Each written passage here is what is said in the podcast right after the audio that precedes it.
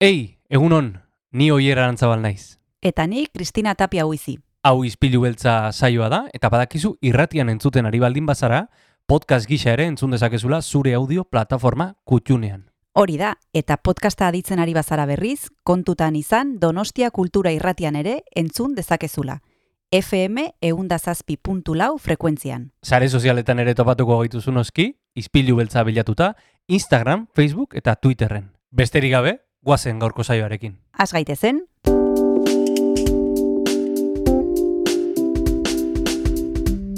Ispilu beltza. Donostiako kulturaren berri, Oyer Arantzabal eta Kristina Tapia buizirekin. Egun honen zule maiatzako gita ditu osteguna da eta asteburura gerturatzen goazen inean, hemen izpilu beltzean, ederki pasatzen dugu. Egun hon, Kristina, egun hon oier, e, ederki pasatzen dugu gure lagunekin, gure lankidekin eta gonbidatuekin. Bai. Mm, Gaur gaur lagun bat eta ezagun bat. Hori da. Laguna ja, Josemi Beltran laguna da. Bai. Eta badekizue ostegunetan hurbiltzen zaigula zinemari buruz hitz egitera, kanetik etorritako etarri da justu oraintxe bertan Bai. eta kon, emango digu pelikula batzuen berri eta gainera izango dugu gurekin hemen Ametsaranguren ibilbediko kidea da, saxoa, ahotsa eta teklatua. Tomaia. Intxaurrondon eskeniko dute kontzertua hogeita zazpian, badekizue sarrerak aspalditik daudela agortuta, de kluba ekimenaren baitan eh, dagoela antolatuta kontzertu hau, norbaitek nahiko balu, ba, mm, ezingo du joan, Ez. ez dago sarrerarik, baino hemen elkarrizketa polita entzuteko aukera badu. Bai, eta, Behintzat, eta disko txarra ere zarean dago entzungai, Bai. e, bueno, eta disko erosi daiteke suposatzen dut ere. E, ibilbedi, m, euskal musika eszenan nabarmendu den taldea, iruñarra, e, oso oso, esango genuke, olatua surfeatzen dabilena, mhm, ea zer kontatzen diguten gaurko saioan, eta ea zer pintxatzen digun asier errastik. guazen. Guazen.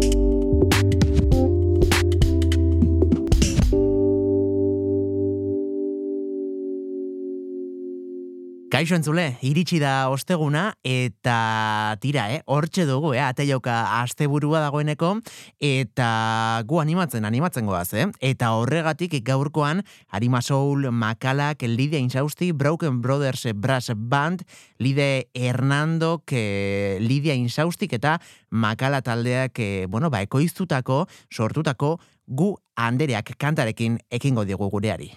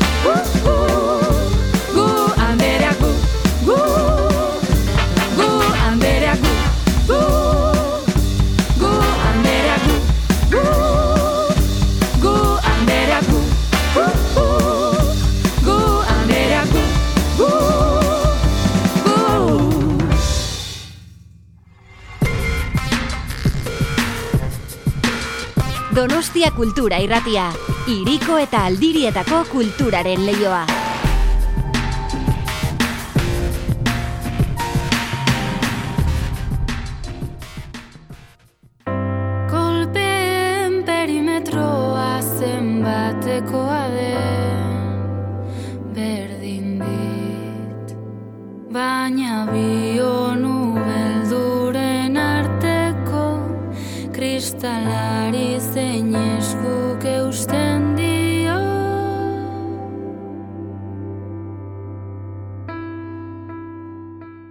Entzuten ari zarena da e, mm, Euskal Ezenan nabarmendu den talde baten abestia, azken diskoko abestia, ibilbedi izena du taldeak, iruñarrak dira, eta dagoeneko segurazki entzule ezaguna zaizkizu.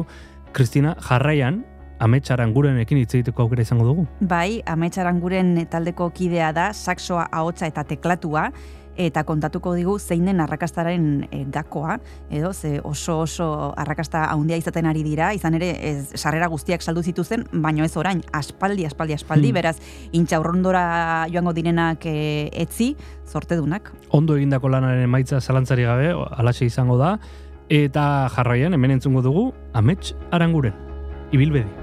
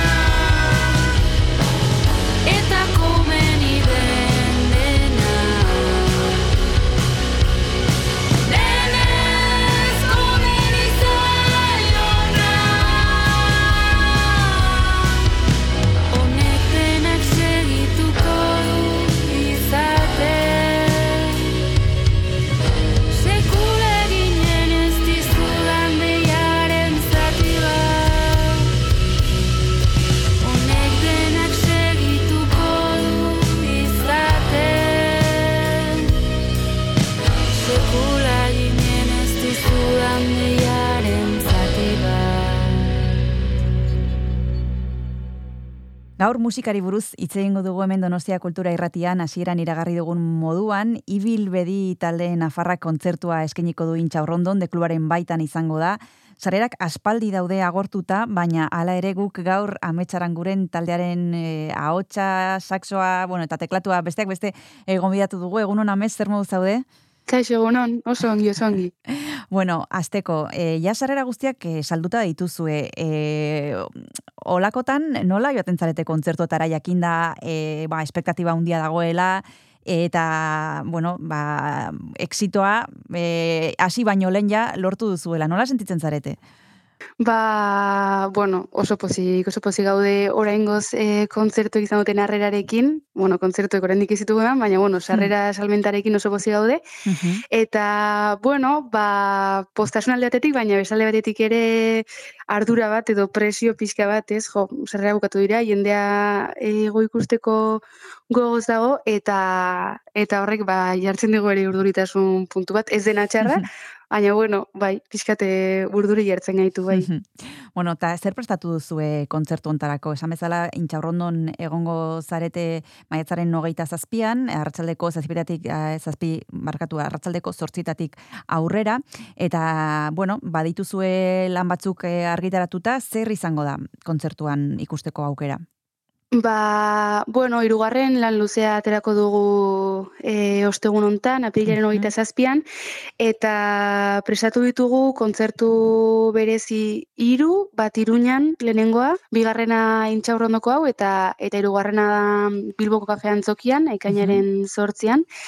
Eta, ba, bueno, disko berriaren aurkezpen kontzertuak dira, e, bereziak izanen dira, ez hortik aurrerakoak bezalakoak, ba hori, ba aretoetan direlako, ez? Eta, bueno, badelako pixka eta pustua e, gure aldetik, eta ba hori, disko berriaren aurkezpena izanen da, badaude berrikuntza batzuk ez dakit nola inalitudan e, aurreratu, eta horregatik nahiago dut esan hori, badirela berrikuntza batzuk, eta eta hori, kantu zaharren bat ere egonen da, beti bezala, baina printzipioz disko berriaren aurkezpena izanen da bai. Bueno, jende askok eh, ezagutzen du zuen taldea, eh, ze izan ere, esan bezala, sarrerak agortuta daude, baina baliteke norbait egotea beste aldean ez duena eh, ezagutzen ez zuen proiektua. E, kontatu pixka bat e, ze musika mota egin duzuen, ze gai jorratzen ditu dituzuen zure zuen zuen letretan? Ba, bueno, Nafarroko bost herri diferentetako, bueno, lau herri diferentetako bost gazte gara, e, institutuan eta konservatorian elkartu ginenak, eta eta ez dakit oso ongi definitzen, e, poparen bueltan ibiltzen gara, e, kantu bastante diferenteak daudela esanen nuke, eta hirugarren diskontan agian are gehiago, E, bakoitza oso esparru diferentetik dator, batzu gehiago kaleko musikatik, beste batzu gehiago mm, musika akademikoago batetik, e, eta bueno, uste dut uztartzen direla hoiek denak pixkat gure gure proiektuan.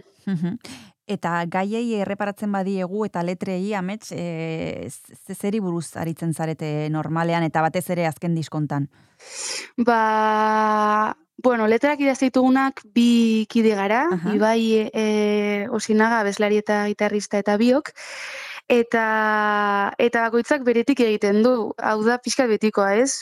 Zuretik ari zaren einean, ari zara e, bueno, kolektibo batetik aldi berean, askotan e, gai intimo, intimoak direnean e, errazagoa da unibertsalizatea aldi berean, hmm. eta ez dugola, ez dakit, ez dugu deus bereziri kontatzen gure biziperentatik abiatutako, ez dakit, hausnarketen ondorioak dira, pixkat kantu moduan jarriak, eta eta horri kantatzen diogu batez ere, azken diskontan justo, ez gara, aipatzen dugu, ez gara oso kolaborazio zaleak, hmm. baina azken diskontan izan dugu, bueno, sorpresatxo bat, e, idazle idazle baten letra bat. Zergatik esaten duzu etzaretela kolaborazioen e, zale, amets?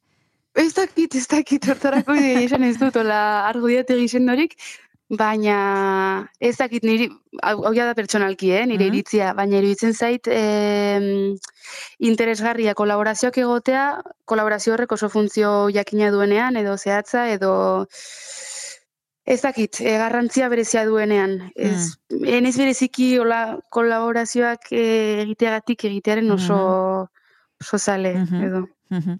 Bueno, ba, tartetxo bat hartuko dugu amets, segituan jarraituko dugu zurekin hitz egiten Mhm. proiektu honen inguruan eta kontzertuaren inguruan. Esan bezala, tartetxo bat eta segituan gaude bueltan.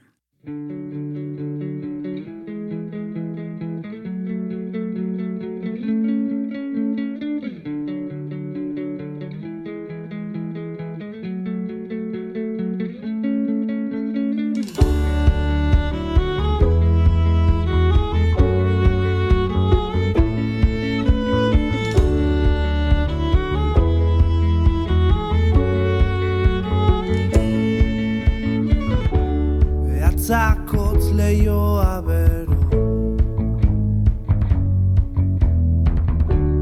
Gaur inoiz ez da gero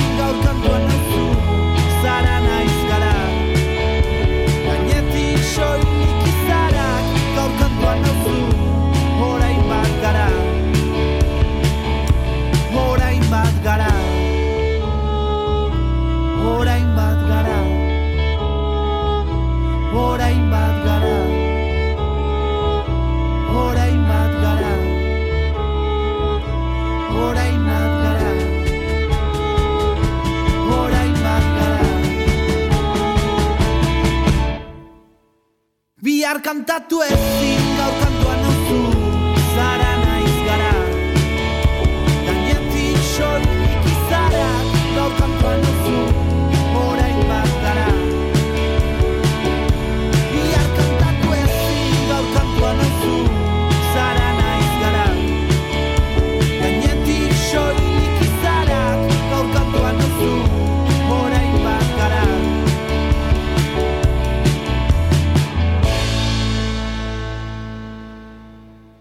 Ametsaran guren daukagu gau telefonoaren beste aldean badekizue berak eh, jarraitzen ari baldimazarete elkarrizketa hasieratik ibilbedi taldeko kidea dela, kontzertua eskainiko dutela intxaurrondon, aspalditik daude sarrerak agortuta, nahi izan ez gero beste leku batzuetan ere joko dute eta izango duzue aukera eh, beraien musikataz eh, disfrutatzeko.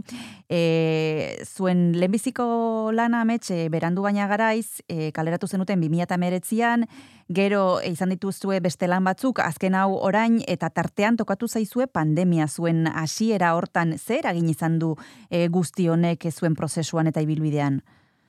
Ba, ba egia esan hau planteatzen dugun aldiru, ez dakigu oso ongi pandemiari Hmm. gabe ere nolakoa izanen zen bidea.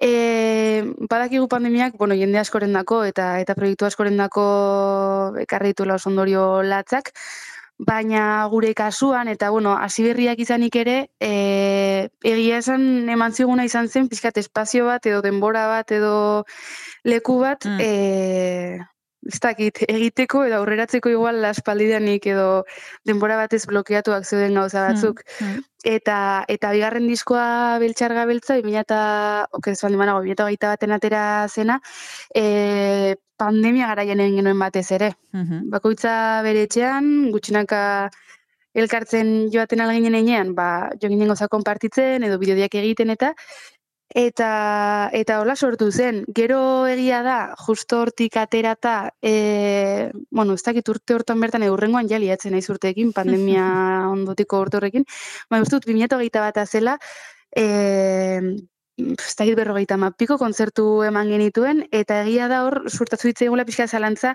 e, ea ez ote ginen ematen ari beste kontzertu, beste talde batzuk ez zutelako, ez? Eta gure Ja. musika pixkat igual eserita eta olako e, aragoien barruan entzuteko musika bat denez, ba, ezenekien ea gero behin hori bukatuta Ja. e, gurea ere galduko zen pixka bat, Mm. baina bueno, oraingoz ematen du ez, ez ematen du e, zutik eta bestelako formatu batzuetan ere, ba, jendea gustora etortzen dela. Mhm. Eta, eta pozik horrekin ere, klaro. Mhm. Aipatu dugu zuen lehenbiziko lana, berandu baina garaiz, gero zuk esandako beltxarga beltza torri zen eta orain goldea. Zein dira ezberdintasunak eta eta selloa hor hiru lan hoietan mantentzen den gauza edo mantentzen diren gauzak?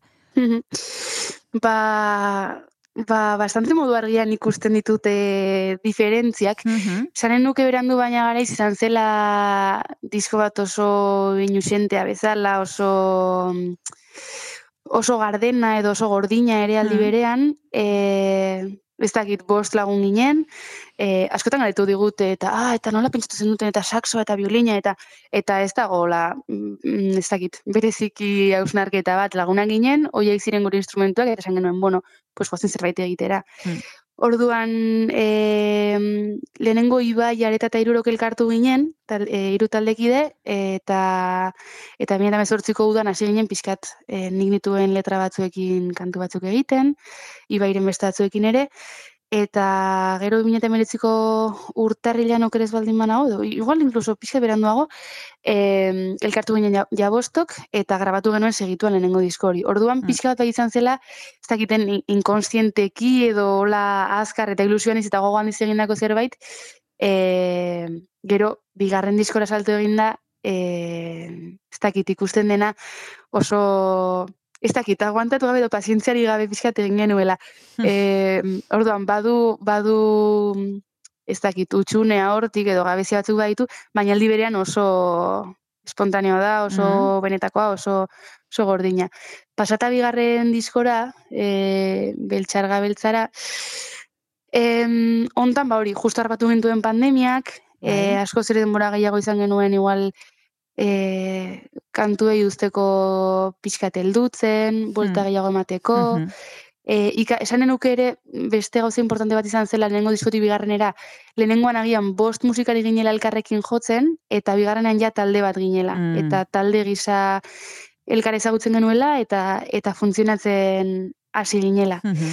Eta bigarren disko hori, bueno, uste dut ere bastante garbia dela, lasaia, e, dena ela, e, ulertzen da oso errez, dauden geruza guztiak e, uste dut erraza dela e, ez dakit ikusten zenbat geruza dauden eta zeintzu diren. Eta hirugarren disko hontan, ba, mantendu dugu e, kantuei heldutzen usteko hori, ez gogo hori eta pazientzia hori, eta uf, biderik intensona izan da igual. Mm. Denbora gehien eskaini dioguna, e, buelta gehien eman dioguna, pazientzia gehien izan duguna, adinare izanen da, eh? Osa, lehenengo diskortan, e, zen, zenbat urte ginten, pues, zen, on, hogei urte dola, eta orain kasi hogeita bost, bueno, pues nabarita pixkat pazientzia gehiago ere badugula, Mm. eta, eta bueno, referentzia gehiago, eta, eta ikasi dugula bide, hor- bide hontan ere.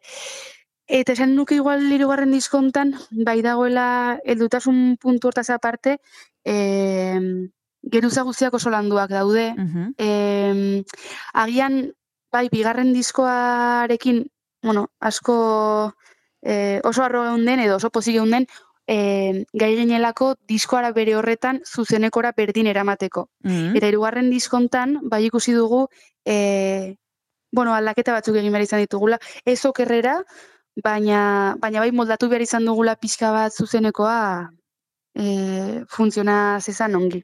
Ados, ados. Horixek e, ibilbedi taldearen e, lanak, lehen aipatu duzu amets, e, e, etzat- etzaretela e, kolaborazioen zale, baldin eta ez badaude justifikatuta, eta bueno, zuk badituzue e, kolaborazio batzuk, e, adibidez aipatu behar ditugu J. Martinarena eta Broken Brothers Brass Band, e, oiek e, zergatek erabaki zenuten egitea? Ba, bueno, Broken Brothers Brass Bandekoak lagunak dira, espaldiko lagunak dira, beste proiektu batzuetan ere e, bueno, ibili izan gara haiekin, eta haien proposamena izan zen. De hecho, bueno, ez dakit proposamena izan zen, edo ja esan ziguten direktamente hau eginen dugu. e, bai, ez dakit, gustatu zitzaien orain bat gara kantua, eta eta pentsatu zuten, e, ba, bueno, haien haien era ez dakit egokitzea eta eta proposamen berri hori egitea eta eta oso pozik, oso pozik. Ez da inbeste agian eh, ere bai, eh, musikalki balorean jartzen dugula, baina gehiago ekarri du horrek ez dakit espazio berri batzuk edo Mm. beste jende batekin egotea, Hmm. eh, bai, zentzu hortan. Eta bestetik, e, J. Martinako lagunekin, ba ere haien proposamena izan zen guk, Mhm. superpozik hartu genuena, e, larra betzun ezagutu genituen, han jo genuelarik, e, hori bai gaztetxean, ez dakit, garai hortan izan zen dola, bai, bi urte edo, ez da iristen bi urtera. Eta eta esan ziguten, ba hori, e, gustuko zutela gure taldea, guk haiena ere bai, eta eta nahi zutela zerbait egin elkarrekin. Mhm. Eta pentsatu, bueno, jo, ez dakigu oso ongi enkajatuko duen, baina baina esan, bai, oso kantu politatera zen, eta elkarrekin jotzen dugun aldiro, ba, ba oso, ez dakit, oso momentu politi izaten da. Ederki segituan jarraituko dugu ametsekin hitz egiten, bigarren eta azken tartea hartuko dugu ispilu beltzan eta segituan itzuliko gara. Ezin dut ikusi atzetik datorrena Bizkarretik igotzen zaizki Lastanak ta estenak zapatiek distira Korrikarik ez. Etor daitezela nire bia Inozoaren hitzak. Etor daitezela nire bia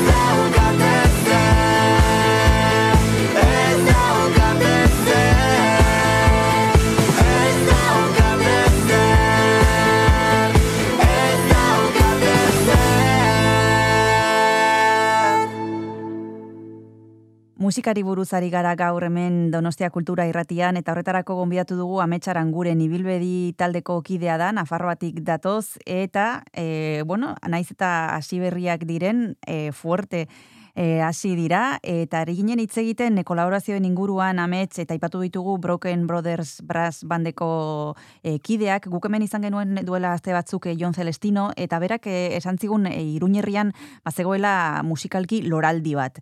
Ez dakit e, ados e, zauden edo ez e, Nafarroan baduzuen nolabaiteko e, esnatze bat edo zuk, zuk, zuk nola sentitzen duzu? Ba, begira, galdera hau egiten, al- egiten didaten aldiro, ez dakit ongi zer erantzun, Hmm. ze, claro, barrutik bizita, edo, bueno, talde horietako baten parte izan da, ba, bai sentitzen dut azken hori, bizpairu urtetan egon dela hola, ez dakit loraldi deitu bai, deidakioke loraldi, e, ez dakit musika talde berriak sortu dira, Mm. Bastante mugitzen hasi direnak Euskal Herrian, baina kostatzen zait gero ere e, Euskal Herri mailako begirada bat jartzea eta hori hori neurtzea. Iruñetik, bai, iruñetik egia esan e, bezakit oso giropolita sortu da gainera taldeen artean, e, oso harreman dugu denok eta eta bai, bai, badago zerbait, ez dakit giroan somatzen da zerbait, Mhm. baina hori, gero kostatzen zait eskala handiago batean edo e, ikustea edo edo jakitea benetan horrek e, ze, ze dimensio duen Euskal Herri mailan. Aurrekoan e, musikari batek esaten zigun ni basoaren barruan nago eta ez dakit nolakoa den basua, ze bar, barruan nago, orduan e, ezin dizute Mhm. argazkirik eman, ez? Bueno, zerentzu hortan pixka bat.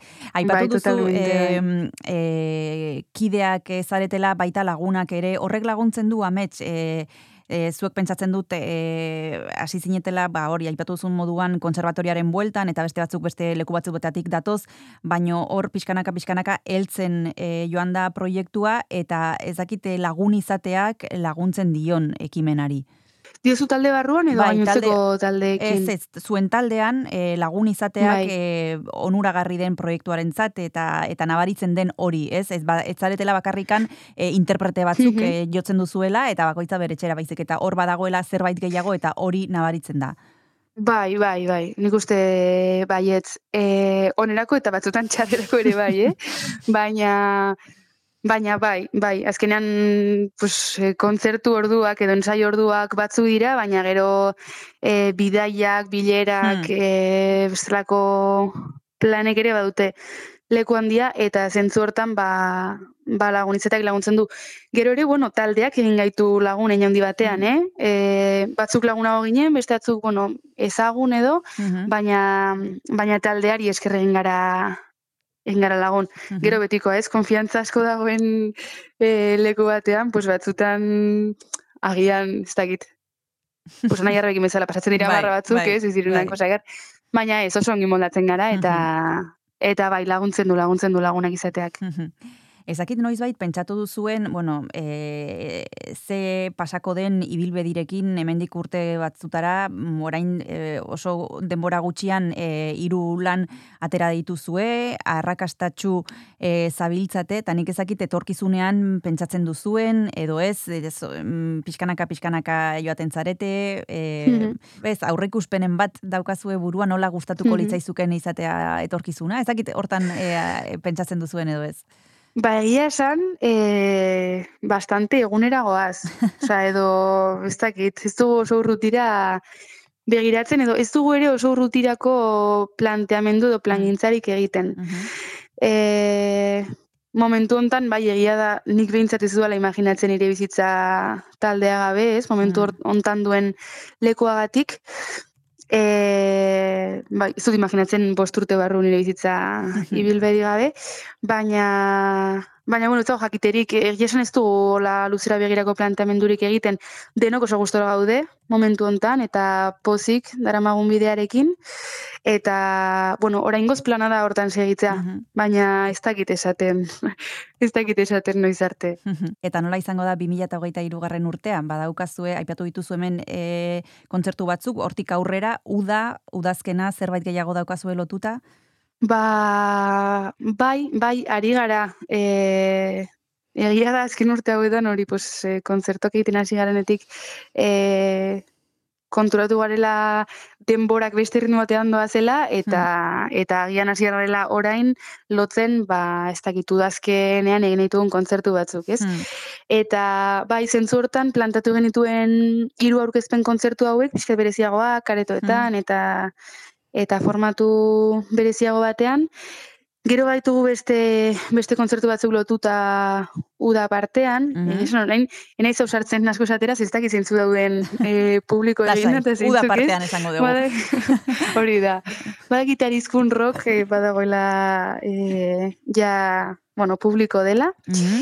E, eta gure plana da ez dakit mm, kontzertu pixka diferenteak egitea, orain aretoetan gauden bezala, ba, e, udazken aldera, zaro abenduan, e, bueno, gaztetxe bira bat dugu aurre ikusia, eta Mhm. gutxinak ari gara pixkat hori hori lotzen. Eta Mhm. gero, pues bueno, datorrena. E, hartzen alduguna eta eta ez dakit, e, egiten dizkiguten proposamenak, ba ongi etorriak izanen dira. Mhm.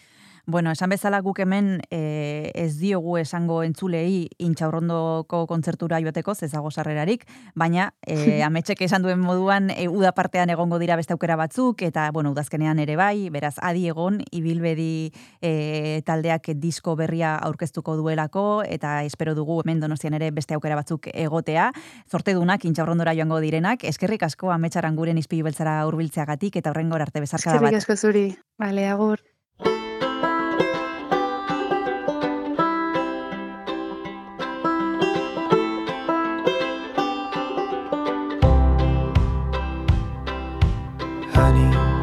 Close. Hold me with both arms.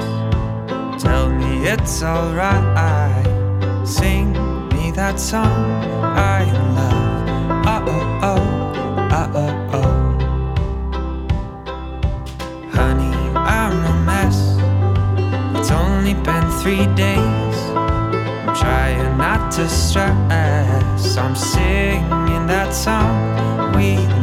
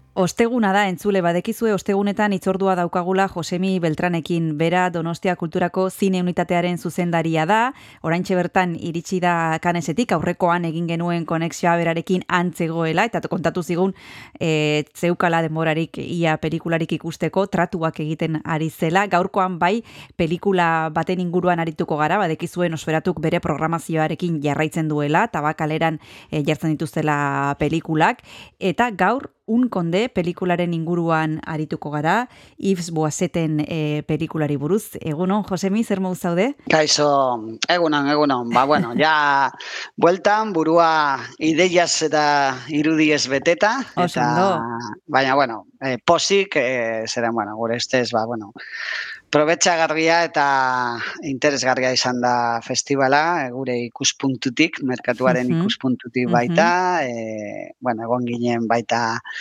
e, Paul Urquijo eta Carlota Peredarekin beste batzuen artean, ba, bueno, beldurezko zinemaren inguruan hitz egiten, hango, bueno, ba, ma inguruaren, ma inguruen programan, e, kanesen, Mhm. osea, que baita ere aukera polita izan dugu, ba, bueno, parte, partekatzeko hemen dugun talentua. Mhm.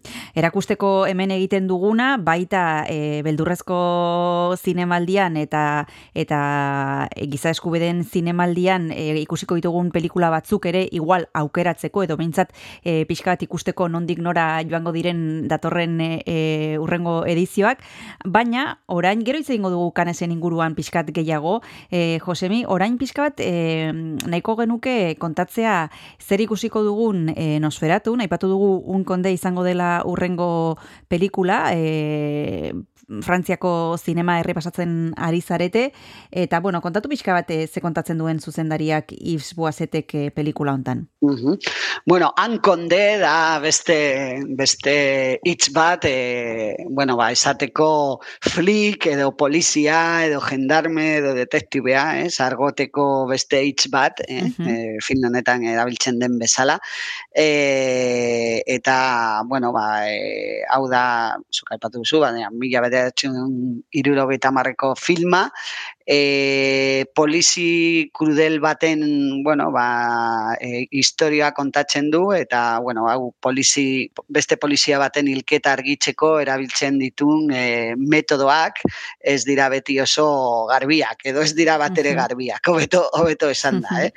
E, berez, e, bueno, bere garaian frantseko poliziari eta e, barneko ministroari ez gustatu bat ere pelikula, e, zeren, bueno, saiatu ziren e, debekatzen, e, bueno, iruditxarra emateagatik, e, poliziaren iruditxarra emateagatik. Mhm. E, ai- askotan aipatzen da nola agian film hon- hau aurreratu zen, e, ba, Clint Eastwood eta beste estatu batuetako justiziero batzuei Mm. nola, nola aurreratu zen, ba, bueno, hori irudikatuz edo, eh? Violentzia, eh, ba, Michel Buketen prota, eh, bueno, ba, pertsonaiak nola erabiltzen duen eh, violentzia, eh, ba, bueno, helburua, helburua, bere helburua betetzeko, eta tortura barne, adibidez, tortura barne info, informazioa eskuratzeko, eh, eta, bueno, ba, askotan irakurri dugu nola agian film honek violentzia sartu zuen eh,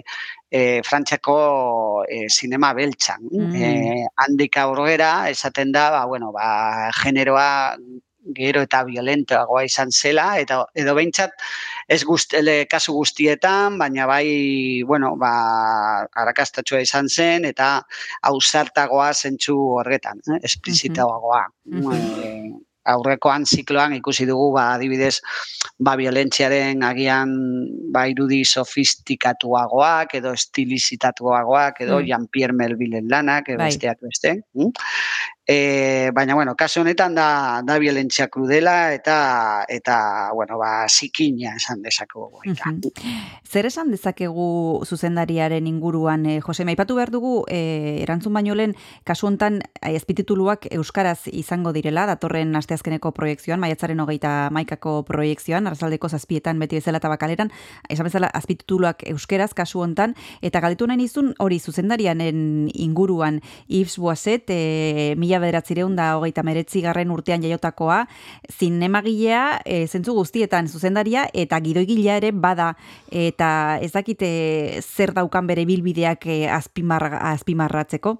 Bueno, kasu honetan ez da ez da egile, bueno, ba, altura handiko egilea, eh, zikloan eh, esaten ari gara, ba, bueno, uf, izan genuen ba, Jose Giovanni pasaden astean, Claude Bai. Chabrol, Melville, Costa Gabras, Ibuase ez dago zerrenda horretan, baina da agian kokatu dezakegu ba, leku komertzial batean edo Mhm. arte artisatxa artisautza tal horretan, E, baina berrogeita lau film inguru zuzendu zuzendu ditu, uste dut orain bizire dagoela eta berez bere azkenengo filma 2000 eta e, bederatzean egin zuen, e, zuzendu zuen, telebistarako, eta azkenengo urteetan e, telebistan ba, telesail asko, telesail eta, eta telefilmak edo e, zuzendu ditu, baina e, hau bere hirugarren filma izan zen, Hankonde, eta generoan ba, badauka beste film batzuk, Los Secuaces, eh, El Atentado edo El Asesino tiene las horas eh, contadas, adibidez. E, ausartu zen baita bere lanean ba, Argeliako gerrarekin, adibidez, edo e, Ben Barka e, kasuarekin, ba, bueno, eh, gai polemikoak e, ikutuzun, baina noizbenka ere esaten da, bagian, ez dakit sensazionalismo puntu batekin ere esan dezakegu, eh? e, mm, Beraz, bueno, ez dago ba, gorezko zerrendan, esan dezakegu, baina baina film hau e, bai, egon, egon behar da hau bezalako ziklo batean eta eta bueno, e, adibidez e, bueno, re, e, repartoan edo kastinean daukagu Michel Bouquet eta François Fabian, e, dira, bueno, ba, aktore ezagunenak, e, e, e, casting honetan, eta hoi bezala, ba, e, eleberri batean oinarrituta, dago filma, eta da, e, kasu honetan, egilea da Pierre, Pierre Bial Lezu, da, eleberriaren, e, bueno, ba, egilea. Nun zen beti aipatu, desa, aipatu dugu, Bai. ba, bueno, e, sinema beltza eta eleberri beltza, ba, bueno, lotu behar dugula eta e, hori beti gogoratu behar dugu. Bai. Hau da beraz e, nosferatuko proposamena, datorren astean proiektatuko dute pelikula e, inkonde e, tabakaleran, esan bezala maiatzaren hogeita maikean, datorren asteazkenean, hartzaldeko zazpietan, azpitutuluak euskeraz, tartetxo bat hartu behar dugu, Josemi, e, jo, solasten jarraitu baino lehen, eta horretarako badekizut musika eskatu behar dizu dala, ez dakize abestitan pentsatu duzun? Bueno, ba, gaur e, jadaituko dugu frantxeko musika entzuten eta e, bueno, e, kaneseko zinemaldian omenaldia egin diote, e, bueno, logikoa zen e, Jean-Luc Godard zuzendariari, eta hasiko gara ba, Twist e, Pur Jean-Luc e, abestiarekin, kasu honetan da Piegol Fou filmarena, eta e, egilea izan zen Antoine Duhamel, eta Antoine Duhamel baita berak egin zuen Ankonde filmaren soinuan da. Mhm. Baina kasu honetan e, Godard e, film famatuaren soinuan da entzungo dugu. Guazen entzutera.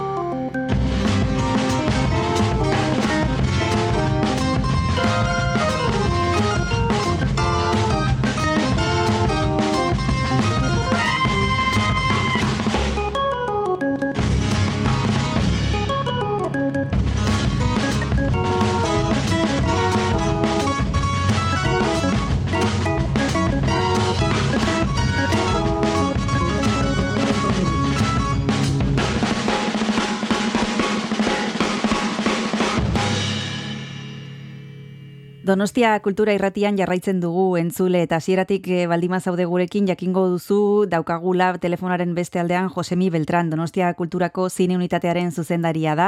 Aipatu dugu un konde pelikula Nosferatu zikloren baitan proiektatuko dutena tabakaleran datorren astean eta aprobetxatu behar dugu kanesetik iritsi berri dela gehiago jakiteko eta galdetu nahi genizun eh, Josemi nola antolatzen diren eh, kritikariak, zinemaldizkariak jaiak horrelako jaialdi handi batean kanesen e, ze gaur egun ezakite aldizkariek eta kritikariek influentzia asko daukaten eta gehiago duten ba, sareek e, beste mm, komunikabide batzuk, beste komunikatze modu, komunikatzeko modu batzuk. E, nola ikusi duzu guzti hori kanesen? Mhm. Bueno, nik eh, estatu mailan etxegin dezaket, eh? ezta? Eh, bai, badakigu agian Frantzian eh, eta niri pizkaten bidia ematen din, no? Frantziako kiosko batera joaten zarenean eta ikusten duzu hainbeste hainbeste zinema aldizkari, eh? Eh, askotan oso espezializatuta, adibidez, eh, zinema fantastiko aldizkariak badaude oraindik eh, Frantzian eta ja estatu mailan ez dugu horrelakorik, eh, gutxienez komertzialki, ia, ia hemen estatuan badugu bakarri, ba hori, e, kaiman, dirigido, e, eta, bueno, ez askoz gehiago. E, gero, imagenes jarraitzen du, imagenes aldika, aldizkariak, baina batez ere kritikekin, eta hausnarketa puntu horrekin, ba, dirigido por eta eta kaiman aipatuko nuke, zeren Mhm. zinemania edo fotogramas, nire ustez batez ere dira, ba, bueno, aldizkari, bueno, publizitarioak edo, esan Mhm. dezakegu, eh? Zain beste kritikariarekin, kritikekin edo edo hausnarketa puntu, puntu horrekin. Mm. Gero ikusten duzu nola, bueno, ba, aldizkari hauen kritikari asko, que hausko badaude sareetan, eta egunez egu, bueno, ba, saiatzen dira e, kritikak egiten askar-askar, eh? e, bueno, ez dakit eh, askotan horrek eh, kentzen dion, eh, bueno, ba, ba, pizkat eh, denbora ondo pentsatzeko edo beto pentsatzeko film bat, Mhm. Batez ere egunean e, lau edo bost ikusten duzunean. ezta? Bai. Bueno, bai. duela gutxi e, e, komentatzen genuen hau Alejandro, Alejandro Calvo, e, sensazineko kritikariarekin, bera oso ezaguna da orain e, YouTubeen, Mhm. e, eta bere e, bere bideoak oso famatuak dira YouTubeen, eta, bueno, ba, jende gazteen, gazteen txat, gaztearen txat, orain Alejandro Calvo izan daiteke sinema kritikariaren irudia. Bai. E, eta bera YouTuberen, ba, bueno, hizkuntza erabiliz, e, baina baita e, irizpide eta jakin, bueno, e, eta sinemari buruz, ba, jakinduroi handia, handiagi, handia bat, handi batekin, ba, tita batean egiten ditu edo sortzen ditu egunero bat edo bi kritika handik, kanesetik edo beste zinemaldi batzuetatik. E, eta askotan, bueno, ba, ez dakit, egia ia energiari gabe, baina, baina ez dakit bideoak zuk ikusi baduzu, eh, Alejandroren Hmm. Bai, bai, ikusi dut baten bat, bai, de guztiz, e, bueno, e, adin bateko entzat, ja, diferentea eta Mhm. arrotza neurri batean ere bai egiten zaigu e, mm, sistema hori, ez? E, Mhm. Baino egia da, e, bueno, ba, hortik e, dijoala asuntua, ez? Bai, bai, eta gainera berak, eh, ba, e, egiten ditun kritikak, adibidez, esan daitezke amabos minutukoak, eh, edo Mhm. gehi minutukoak, osea, Mm. que berez dira iaia filmen analiziak, ai zuzenean, zuzenean iaia en caliente, esaten, esan Mm. dezakegu, askotan, Mm. e, zinemaldi batetik egiten duenean, edo, bueno, lasaiago agian estainaldi komertzialekin, ezta? Mhm. E, baina nik errespetu handia ematen diot horri, zeren benetan ba, lortu du konektatzea, e, bueno, ba, oraingo jendearekin, eta eta lortu du oraingo jendearekin askotan, ba, zinegile zaiekin, edo sinema klasikoari argeta ematea, e, eta, bueno, divulgazio lan hori, eta baita ere, bueno, ba, ba, bueno, ba, hori, e, kriterioarekin, edo irizpide on batekin, nik, e, bueno, respetatzen dut. Mhm. E, bai, gero badaude post podcastak eta Bai. bueno, badakizue, ba, bueno, orain badaude podcast ausko eta han daude sinema kritikariak eta bestalde ba, ba, asko asko eta asko hitz egin dezakegu Twitter inguruan. Bai. Ezta? Hori beste Eh, atal bat izango litzateke Twitter, ez? Bai. E, hori ja, e, bueno, bere ekosistema propioa sortzea lortu Mm. du, ezta? Bai, eta lasterketa ea nork ikusten duen lehen lehena film Bai. bat e, eta eta nork esaten den lehena e, ba, hori, iritsia, naiz Bai. eta takiri bat izan, Bai, edo esnaldi batean despatxatzea, ba, ez dakit, Scorseseren lana, bai. edo, edo Rizeren lana, edo, edo dena delakoa. Bai. Eta, bueno, hori da pizkat, nire ustez, ba, bizio, bizio txar bat baita ere Mm. sinema kritikari baten txan. Mhm. Oraintxe bertan hitz egingo dugu gai honen inguruan oso Bai. interesgarria da eh, Joseimi aipatzen duzun hori eh, denbora eta nola egiten ditugun gauzak edo denborarekin edo denbora gabe, baina tartetxo bat hartu behar dugu lehenbiziko eta bigarren abesti bat eskatu behar dizut. E, lehen Frantziara joan gara, entzutera e, aurreko abestia, eta orain ezakit ze proposatu nahi duzun. Ba, jarraituko dugu godar maizuarekin eta Marcial Solalen, bueno, ba, ba, soinu banda famatu, famatutik aterata, ba, but de soufflé, e, ba, film emblematiko haren, ba, ba, beste doinu bat entzun dezakegu. Oso ondo guazen entzutera.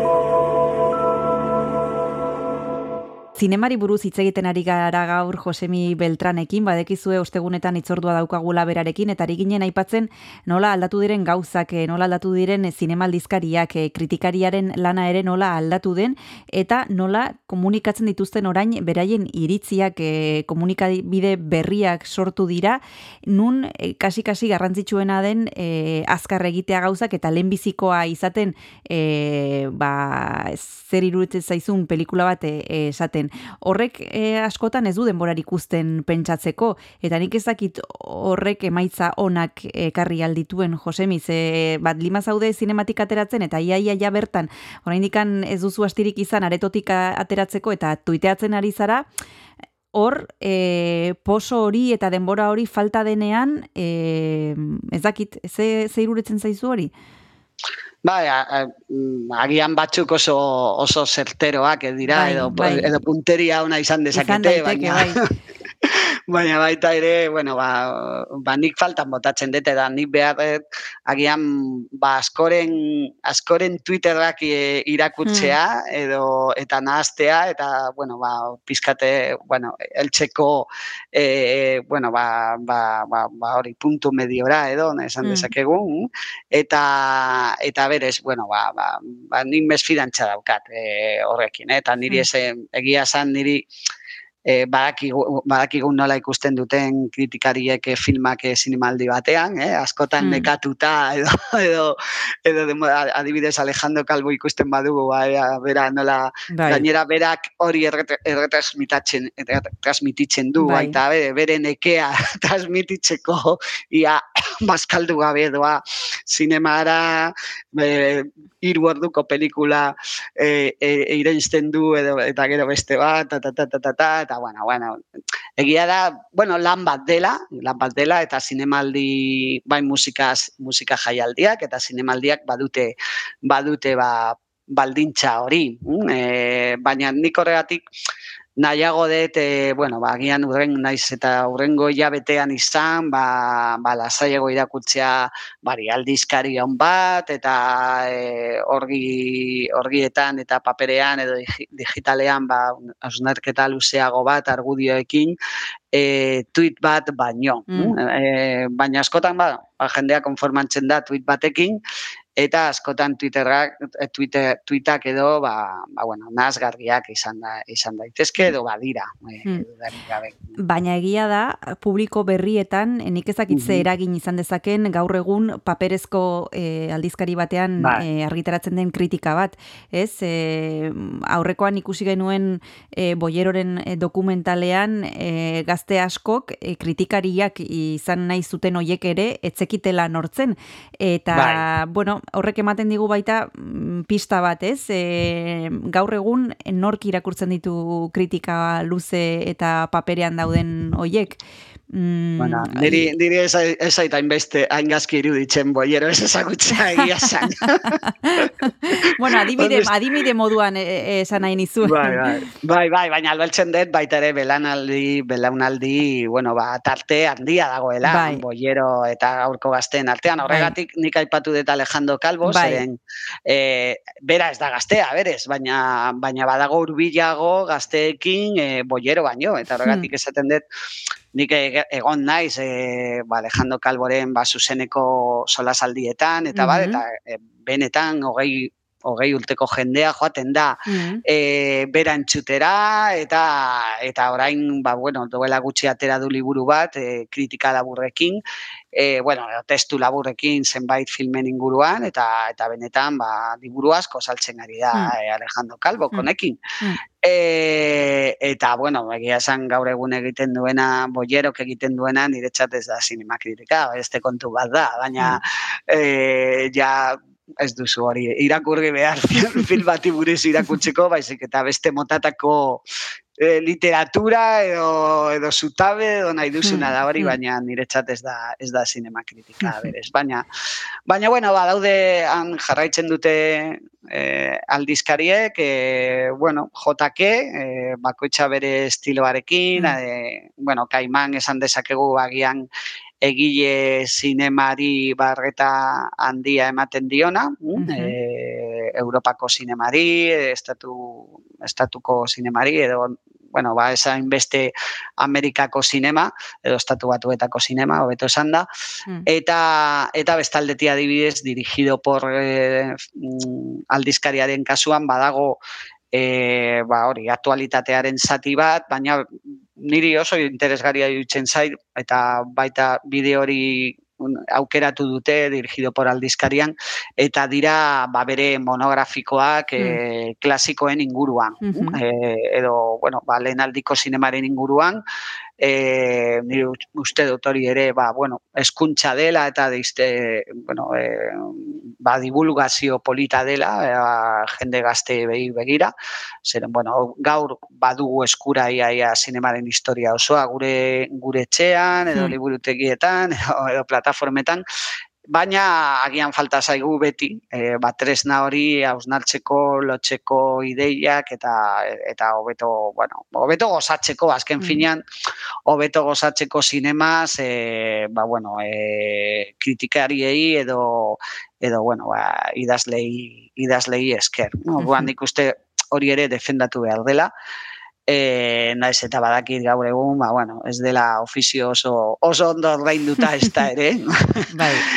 Eta egon behar da, ba, bueno, JK askotan, ba, bueno, komunikabide desberdinetan, irratia, podcast batean, liburuak egiten, e, aldizkari batean, denetik edo youtuberren, Bai, Den- bai. denetik. Bai.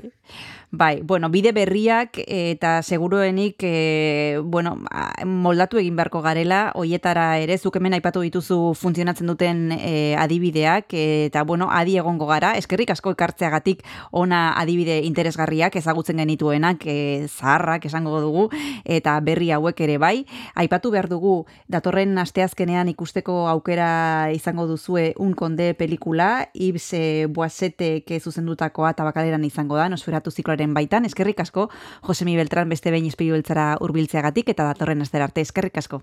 Ba, bai, ikusiko dugu bai- baita nok irabazten duen e, sinema, kaneseko zinemaldia, hori beste kontu bat da, no? Sariena. Hori beste kontu bat da, sariena beste meloi bat, e, datorren astean nahi baduzu zabalduko duguna. Ba, agian, agian zer komentatu dezakegu. Oso bai. Datorren astera arte, mila esker. Agur.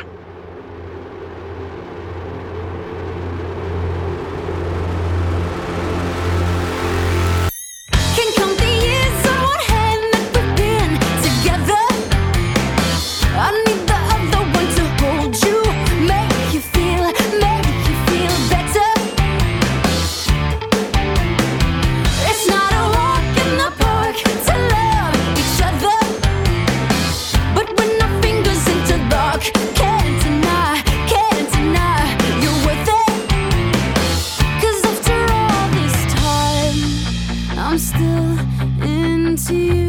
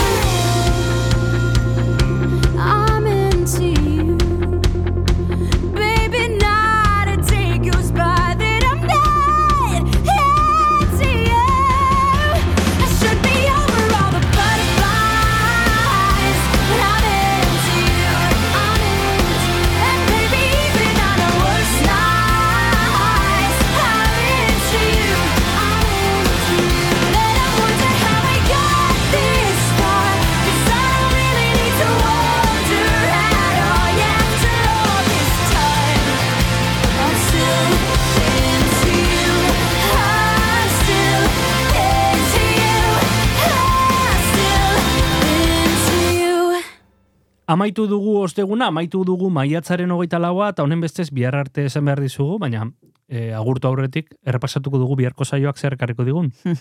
Bihar ostirala da, eta badekizue ostirela eta ostiraletan literaturari buruz aritzen garela Donostia Kultura Irratian, eta bihar Ruben Bidalen txanda da, badekizue bera egiako liburu zaina dela, eta komikiak dela, bihar ere hori xe egingo du, eta gainera izango dugu gurekin koro bikandi, e, bera seguruenik ezagutuko duzue Donostia Kultura Irratian, eta lehen Kasares Irratia zenean e, programak egiten zituelako, eta orain ere egiten dituelako, pertsona maitatua irrati hontan e, izugarrizko programa ederrak egiten dituelako, Bai. biharko gonbidatua izango dugu beraz e, koro bikandi, eta besterik gabe, bihar arte, oier, Bihar arte, agur agur.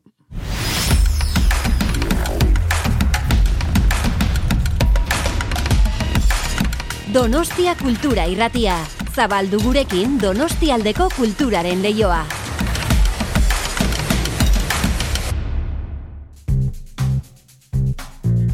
Kanta katilua. Kaixo entzule, ongi etorri kantakatilua talera, izpilu beltzako tarte musikalontara. Gaurkoan, e, desente nostalgiko esnatu gara, eta atzera begiratzeko gogoz, e, bueno, ba, gabiltza saio osoan zehar, eta horretarako, bueno, ba, gaurkoan e, errepasatuko dugun, edo gaurkoan entzungo dugun diska, ba, ziur zuetako askoren barnean ere, ba, piztuko duela zerbait, eh? Sentimenduren bat, emozioren bat, azkenean, eh, bueno, denon bizitzan, edo behintzat eh, adin minimo bat daukagunon, eh, bueno, ba, bizitzan, eh, bueno, uneren batean eragin duen diska delako hau. The Beatles taldeak mila bederatzireun eta irurogeita bederatzi garren urtean plazaratutako Abbey Road.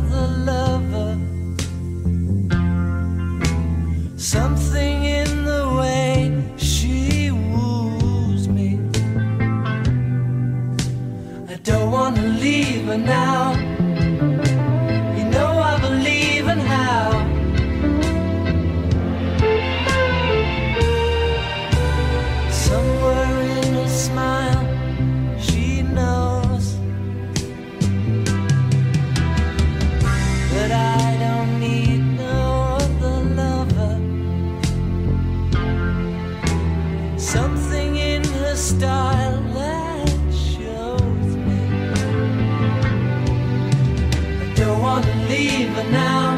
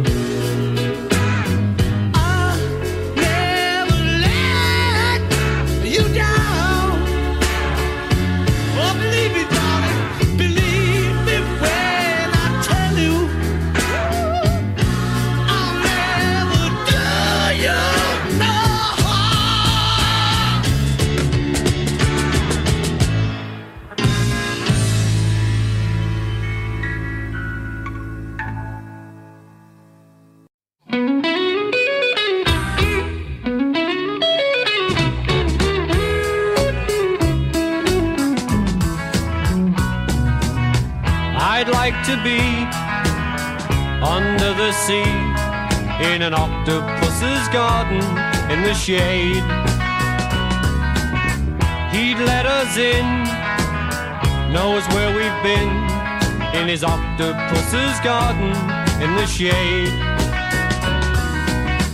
I'd ask my friends to come and see an octopus's garden with me.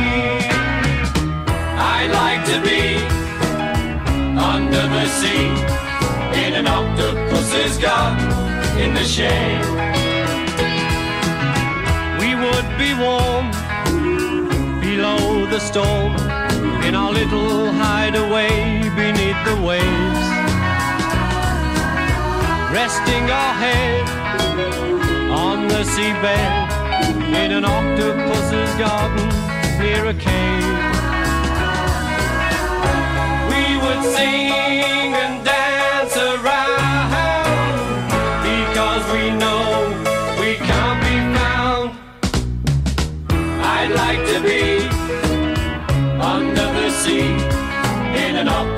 octopus's garden in the shade.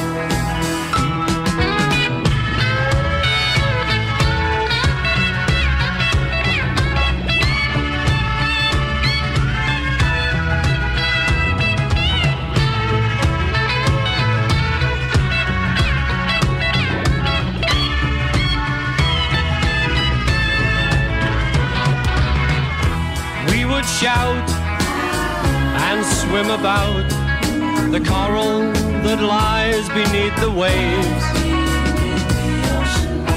Oh, what joy for every girl and boy, knowing they're happy and they're safe.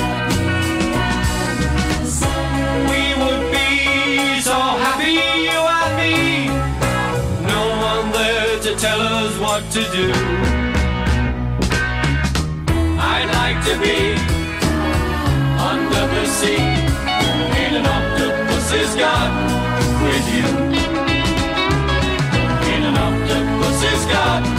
with you.